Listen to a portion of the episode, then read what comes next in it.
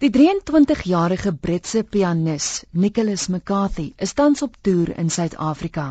Buiten vir die feit dat hy al vele toekenninge ontvang het, is hy die wêreld se jongste linkshandige pianis. Nicholas is sonder 'n regterhand gebore, maar ten spyte daarvan was sy grootste droom om 'n pianis te word.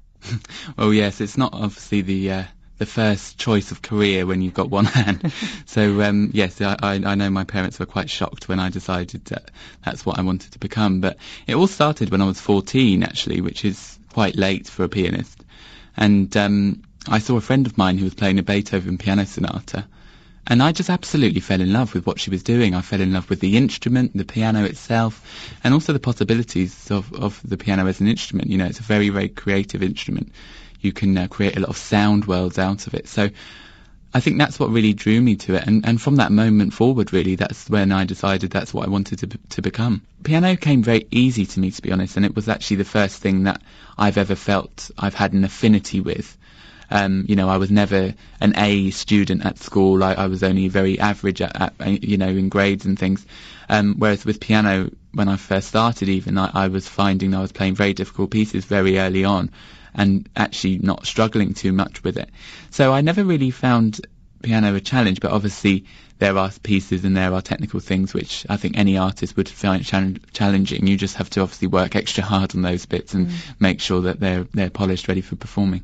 Ek wil weet hoe gemaak met klavierstukke wat wel met twee hande gespeel moet word. For me, I specialise in what's called left hand alone repertoire. So it's repertoire which is written just for the left hand. So obviously that's you know, very specific to me because obviously I only have my left hand. So everything that I play, I'm playing exactly as it's written. I'm not adapting anything. Um, and, and, lucky for me, it's obviously already written for, for left hand. Mm. So in that respect, I don't ever need to, you know, um, consider about not being able to play something because it's written for, for left hand and that's what I'm able to do. Nicolas het studeer aan die Royal College of Music in Londen en laas jaar sy graad ontvang. Hy gesels oor van die uitdagings. Yeah, the Royal College is, is, a, is a marvellous place, and as we all know, it's, it's one of the best places in the world to study music. So when I was offered my place, I was, I was of course, you know, overjoyed. However, with that comes an awful lot of hard work, and obviously, as the first ever left-hand pianist to, to go there, mm. I think the college were taking a gamble on having me as one of their students, and also I was taking a gamble by entering into a very mainstream, very classical, very um, you know, it, it's steeped in tradition. So, you know, for both of us, for the college and myself, it was a, it was a, a big learning curve. But they were brilliant. They were so supportive. And, uh, obviously I graduated, as you mentioned, in, in July of 2012. And I was actually made history at the college by being the first ever left-hand pianist to graduate in their whole 125-year history. So it was a real, uh, real honour and a privilege for me to study there. Nicolas was deel van verlede jaar se Paralimpiese sluitingsseremonie en hy vertel wat dit vir hom beteken het. It was absolutely amazing. I mean, as a classical pianist, you very rarely get to perform alongside, you know, any big, big names such as, uh, you know, the big band. And I, I played with, with Coldplay. And I know that's a real once in a lifetime experience to perform with such a huge band like that at, you know, such an iconic uh, venue um, in front of 86,000 people. So it's a, it's a memory which I'm just going to cherish for the rest of my life. And I'll certainly uh, never forget it. It was a real surreal but amazing experience. Hy het ook met my gesels oor die moeilikste stuk musiek wat hy tot nog toe moes speel.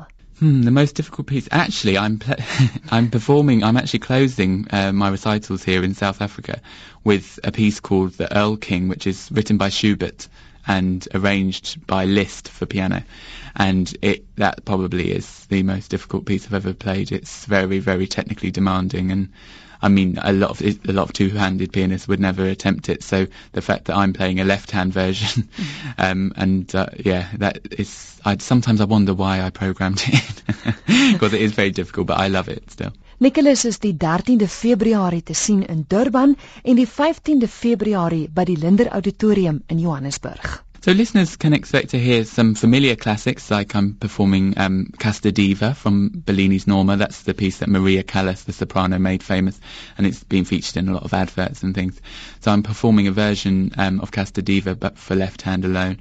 Um, I'm going to be performing um, Ave Maria on uh, Bach's Prelude Number One, which is a very famous piece. People would recognise that. But also, I've paired it with a lot of pieces for left hand alone, which people won't have heard before, but are absolute masterpieces of the repertoire. So everyone enjoys them, even though you might not, you know, recognise the, the tune or or recognise the piece or heard it before. People always enjoy it because with left hand repertoire I have to travel from the bottom of the piano right to the top of the piano in very quick succession. So it's very good to watch as an audience member because obviously I'm traveling around the piano so fast, and I think enjo- uh, audiences enjoy that virtuosity and that that factor that I'm I'm creating a, a sound world of two or three hands, but I'm doing it with only one.